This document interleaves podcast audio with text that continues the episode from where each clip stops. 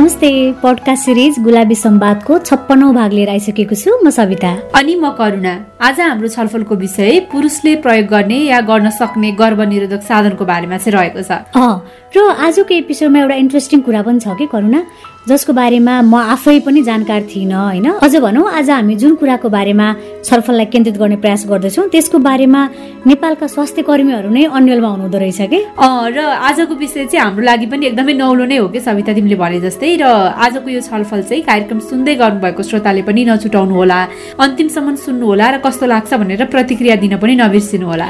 पक्कै पनि आज हामीले पुरुषले प्रयोग गर्ने गर्भनिरोधक साधनको बारेमा छलफल गर्दैछौँ। हामी सबैजनालाई थाहा त छँदैछ। पुरुषका लागि भरपर्दो गर्भनिरोधक साधन भनेको चाहिँ कन्डम हो भनेर यो एकदमै सुरक्षित र भरपर्दो मानिन्छ र कुनै पनि प्रतिकूल प्रभावहरू यसको हुँदैनन्। र शारीरिक सम्पर्कको समयमा चाहिँ पुरुषले आफ्नो लिङ्गमा चाहिँ यसको प्रयोग गर्न सक्छन्। कन्डमको प्रयोगले पुरुषको वीर्य कन्डमभित्रै रहन्छ र यही कारणले चाहिँ एउनेभित्र शुक्रकिटको प्रवेश हुन पाउँदैन र गर्भ पनि रहँदैन। त्यस्तै कन्डमको प्रयोगले गर्भ नरहने मात्रै नभएर यौनजन्य संक्रमणबाट पनि बचाउँछ। त्यही भएर पनि अन्य साधनको तुलनामा कन्डमलाई चाहिँ एकदमै सुरक्षित र भरपर्दो मान्ने गरिएको हो। र कन्डम बाहेक चाहिँ पुरुषले युज गर्न मिल्ने अर्को फ्यामिली प्लानिङको टुल्स अथवा चाहिँ अर्को प्रक्रिया भनेको चाहिँ बन्ध्याकरण पनि हो जसलाई चाहिँ स्थायी प्रक्रिया भनेर पनि लिने गरिन्छ के? श्रीमान श्रीमतीको सहमतिमा पुरुषले स्थायी बन्ध्याकरण गर्न सक्छन् र पुरुष बन्ध्याकरण गर्दा चाहिँ शुक्रकिट आउने वीर्य नलीलाई बन्द गरिन्छ जसले गर्दा शुक्रकिट वीर्य नलीबाट लिङ्गमा आउन अवरुद्ध हुन्छ र यही कारणले गर्दा चाहिँ गर्भ रहनबाट रोकिन्छ तर वीर्य भने पहिलेकै मात्रामा उत्पादन भने भइरहेको हुन्छ। यो त भयो हामीले थाहा पाएका अथवा नेपालमा प्रयोग भइरहेका पुरुषले प्रयोग गर्न मिल्ने अस्थायी र स्थायी साधनहरू होइन? तर पछिल्लो समयमा पुरुषका लागि गर्भनिरोधक पिल्सको कुरा पनि आइरहेको छ। र हामीले चाहिँ आज यही विषयमा छलफल गर्ने भनेपछि केही रिसर्चहरू पनि गरेका थियौँ। पुरुषको लागि बनेको पिल्सको बारेमा थाहा पाउनको लागि। र यो कुराहरू चाहिँ हामीलाई एकदमै धेरै रोचक र नौलो पनि लागेको थियो कि? र यसको बारेमा चाहिँ हामीले के रहेछ त भनेर धेरै कुराहरू खोज्यौँ पनि र केही स्वास्थ्य कर्मीसँग चाहिँ यसको बारेमा पनि कुराकानी गरेका थियौँ नि। तर उहाँहरूले पनि यसको बारेमा चाहिँ आफूलाई धेरै जानकारीहरू नभएको कुरा चाहिँ बताउनु भएको थियो कि? पुरुषले प्रयोग गर्ने पिल्सको बारेमा नेपालको धारणा के कस्तो छ? यहाँ उपलब्ध छ कि छैन भन्ने बारेमा एकैछिनमा कुरा गरौँला। त्योभन्दा पहिले चाहिँ करुणा यो पिल्स पुरुषले प्रयोग गर्ने पिल्स चाहिँ कसरी पत्ता लाग्यो या किन यसको आवश्यकता महसुस गरियो भन्ने बारेमा नै कुरा गरौँ न। हुन्छ सविता र तिमीले यो कुरा भनिरहँदा चाहिँ मैले थोरै रिसर्च गरेको थिएँ त्यही कुराहरू चाहिँ म तिमीलाई सेयर गर्छु होइन? पुरुषले प्रयोग गर्ने पिल्सको बारेमा चाहिँ पहिलो पटक अमेरिकाको वासिङटन युनिभर्सिटीको स्कुल अफ मेडिसिन र लस एन्जल्स बायोमेड रिसर्च इन्स्टिच्युटमा चाहिँ पहिलो पटक अनुसन्धान गरिएको रहेछ। अनि पहिलो चरणको ट्रायलमा चाहिँ यो चालिसजना स्वस्थ पुरुषमा चाहिँ अनुसन्धान गरिएको थियो। र यही अनुसन्धानका लागि चाहिँ वैज्ञानिकहरूले एउटा खास किसिमको क्याप्सुल बनाएका थिए। त्यो क्याप्सुल खाएपछि पुरुषमा टेस्टोस्टेरोन हर्मोन र स्पमको क्वालिटीमा के कस्तो प्रभाव पार्छ भन्ने कुराको विस्तृत टेस्ट गरिएको थियो। टेस्ट गरेका सबै चालिसजना पुरुषलाई यो क्याप्सुल अठाइस दिनसम्म दैनिक रूपमा निश्चित डोज चाहिँ दिएको थियो त्यो बेलामा। र सविता यो पुरुषको लागि बनाइएको पिल्स चाहिँ ह्युमन सेफ्टी टेस्ट पनि पास भइसकेको छ कि? र यो गर्भनिरोधक औषधिको नाम चाहिँ इलेभेन बिटा एमएनटिडिसी। अर्थात् eleven beta methyl nineteen nor testosterone dodecyl carbonate नाम चाहिँ दिइएको छ। र यो पुरुषका लागि तयार पारिएको पिल्सले स्पमको एक्टिभिटीलाई कम गर्ने कारणले गर्भ रहनबाट बचाउँछ। र सबैभन्दा महत्त्वपूर्ण कुरा चाहिँ यो औषधिको प्रयोगमा चाहिँ साइड इफेक्ट ज्यादै नै न्यून रहेको पाइएको भनेर वैज्ञानिकहरूले प्रश्न पनि पारिसकेका छन्। र यो जानकारी चाहिँ हामीले कहाँबाट लियौँ भन्ने पनि तपाईँलाई लागिराखेको हुनसक्छ। यो जानकारी चाहिँ तपाईँले पनि युटिएस डब्लुएमइडी डट ओआरजी भन्ने वेबसाइटमा जानुभयो भने मजासँग लिन सक्नुहुनेछ। र यसको बारेमा चाहिँ अझ विस्तृतमा हामीले नेपालमा चाहिँ यसको धारणा के छ त? नेपालमा यसको उपलब्धता कतिको छ के छ भन्ने बारेमा लुम्बिनी प्रदेशका फ्यामिली प्लानिङ सुपरभाइजर कौशल भण्डारीसँग कुरा गरेका छौँ। बरु अब चाहिँ उहाँकै कुरा सुनौ सविता।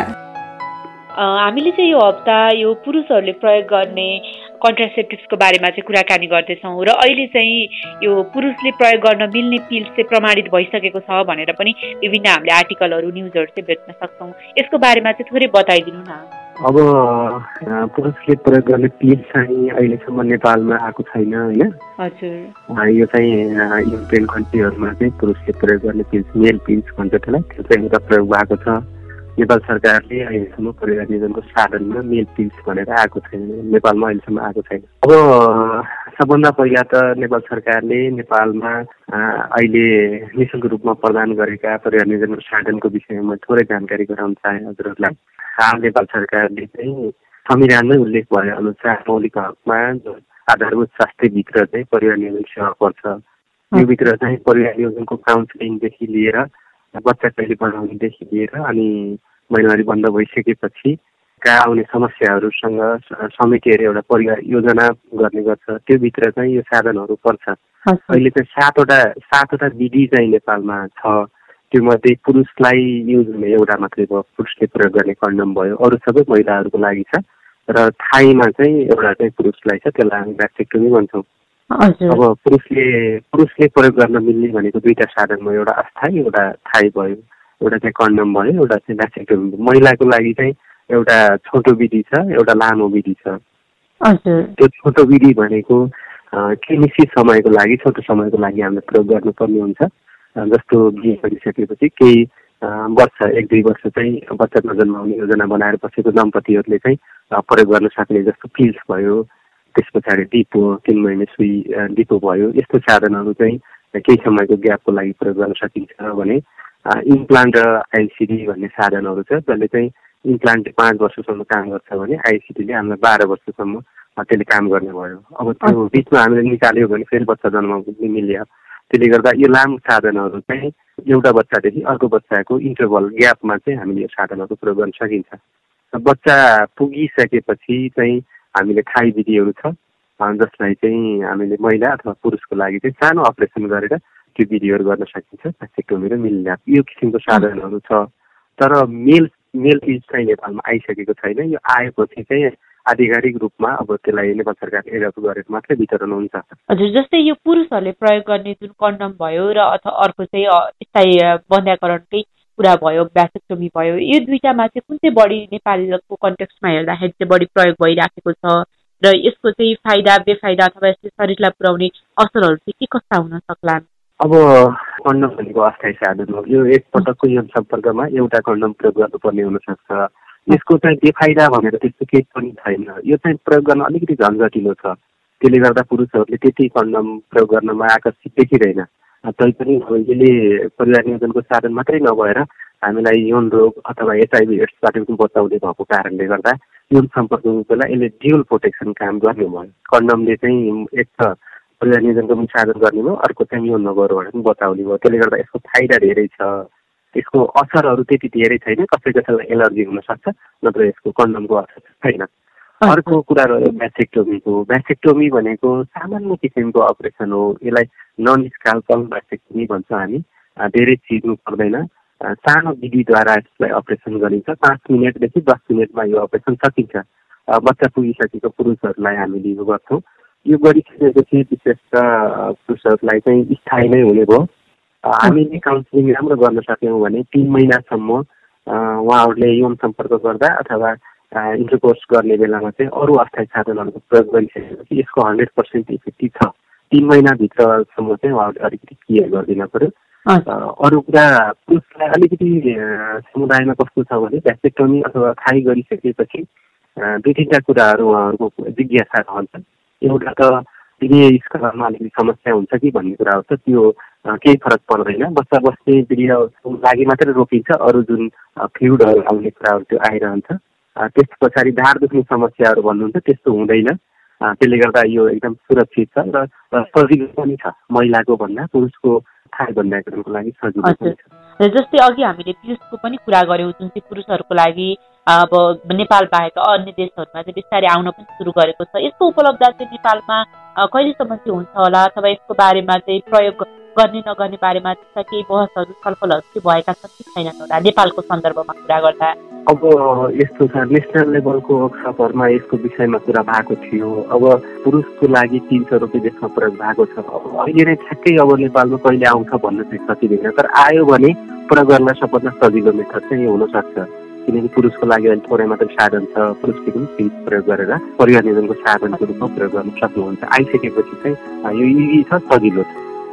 लुम्बिनी प्रदेशका फ्यामिली प्लानिङ सुपरभाइजर कौशल भण्डारीलाई धेरै धेरै धन्यवाद। र उहाँको कुरा सुन्दा चाहिँ सविता नेपालमा चाहिँ यो पिल्स जुन चाहिँ अघि हामीले कुराकानी गऱ्यौँ यसको उपलब्धता चाहिँ अझै भइसकेको छैन र अझ कतिजनालाई चाहिँ यसको बारेमा थाहा पनि रहेनछ र स्वास्थ्य कर्मी आफै पनि धेरै जसो चाहिँ अनभिज्ञ नै हुनुहुँदो रहेछ कि?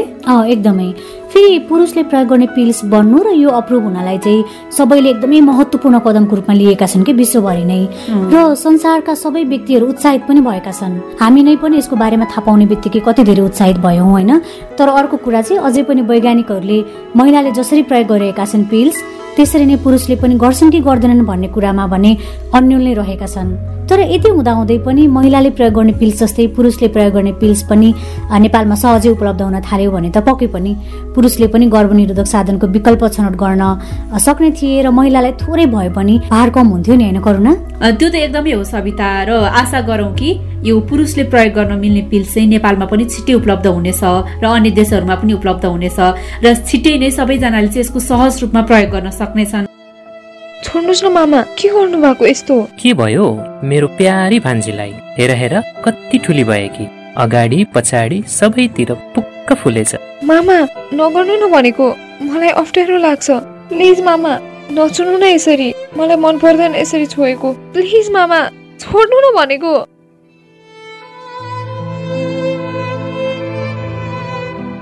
हाम्रो परिवारभित्रै पनि यस्ता खालका दुर्व्यवहार हुन सक्छन्।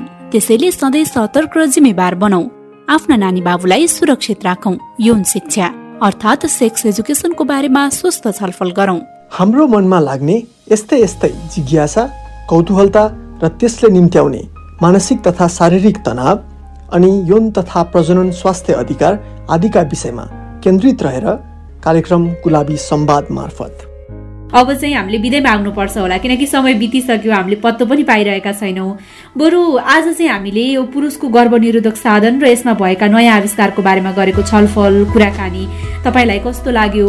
आज हामीले उठाएको विषयवस्तुको बारेमा अझै जान्न मन लागेको छ कि छैन भनेर चाहिँ हामीलाई जानकारी गराउन चाहिँ नभुल्नु होला। पक्कै पनि तपाईँले आफूलाई लागेको कुरा हामीलाई हाम्रो email Gulabi Samvad at Gmail dot com GULABI SAMBAD Samvad at Gmail dot com मार्फत पठाउन सक्नुहुन्छ। अथवा हाम्रो सोसियल मिडियाहरू पनि छन्। फेसबुक इन्स्टाग्राम ट्विटर टिकटक र युट्युबमा तपाईँले हामीलाई गुलाबी सम्वाद सर्च गरेर भेट्न सक्नुहुन्छ। त्यहाँ पनि तपाईँले जियुएलएबिआई एसएएमबिएडी सम्वाद सर्च गर्नुभयो भने हामी मजाले उपलब्ध छौँ। त्यहाँ पनि हामी प्रत्यक्ष रूपमा तपाईँसँग छलफल कुराकानी गर्न सक्छौँ। पक्कै पनि र त्यो बाहेक चाहिँ तपाईँले हाम्रो कार्यक्रम तथा किशोर किशोरी भाइ बहिनीले लेख्नु भएको आफ्ना यौन तथा प्रजनन स्वास्थ्य र अधिकारसँग जोडिएका भोगाईहरू अनुभवहरू विभिन्न घटनाक्रमहरू चाहिँ हाम्रो website W W dot Gulabi Sambad dot com र हाम्रो blog W W W dot Gulabi Sambad dot blogspot dot कममा पनि प्रकाशित गरेका छौँ। ती सामग्री पनि तपाईँले पढ्न सक्नुहुनेछ त्यहाँबाट पनि विभिन्न जानकारीहरू प्राप्त गर्न सक्नुहुनेछ। र तपाईँका पनि त्यस्तै अनुभवहरू छन् भोगाईहरू छन् र कसलाई पठाउँ कसलाई सुनाऊ भन्ने लागिराखेको छ भने कुनै सङ्कोच नमानिकन ढुक्क भएर हामीलाई पठाउन सक्नुहुनेछ। त्यस्तै तपाईँले हाम्रो यस पडकास्ट श्रृङ्खला Gulabi Samvad at in stock anchor dot FM ANCHOR dot एफएममा गएर Gulabi Samvad team talk search गरेर पनि सुन्न सक्नुहुन्छ। र यो हप्तादेखि चाहिँ हाम्रो यस पडकास्ट गुलाबी सम्वाद चौतारा सिन्धुपाल्चोकको रेडियो रेडियो मिसन एक सय पाँच दशमलव तिन मेगाहर्जबाट प्रसारण सुरु भएको छ। र तपाईँले चाहिँ त्यो रेडियोबाट शनिबार दिउँसो साढे तिन बजे हाम्रो कार्यक्रम सुन्न सक्नुहुनेछ र हाम्रो कार्यक्रम प्रसारण गरिदिनु भएकोमा रेडियो मिसनलाई धेरै धेरै धन्यवाद र त्यसबाहेक चाहिँ देशभरिका अन्य छत्तिसवटा रेडियो स्टेसनबाट हप्तैभरि विभिन्न समयमा हाम्रो पडकास्ट गुलाबी सम्वाद प्रसारण भइरहेको छ। तपाईँले आफूलाई पाएको पर्ने रेडियो स्टेसनबाट हाम्रो कार्यक्रम विभिन्न समयमा सुन्न सक्नुहुनेछ।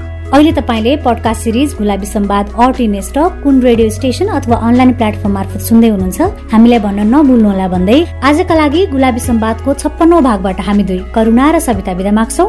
नमस्ते। अर्को श्रृङ्खलामा पुनः भेट्नेछौँ।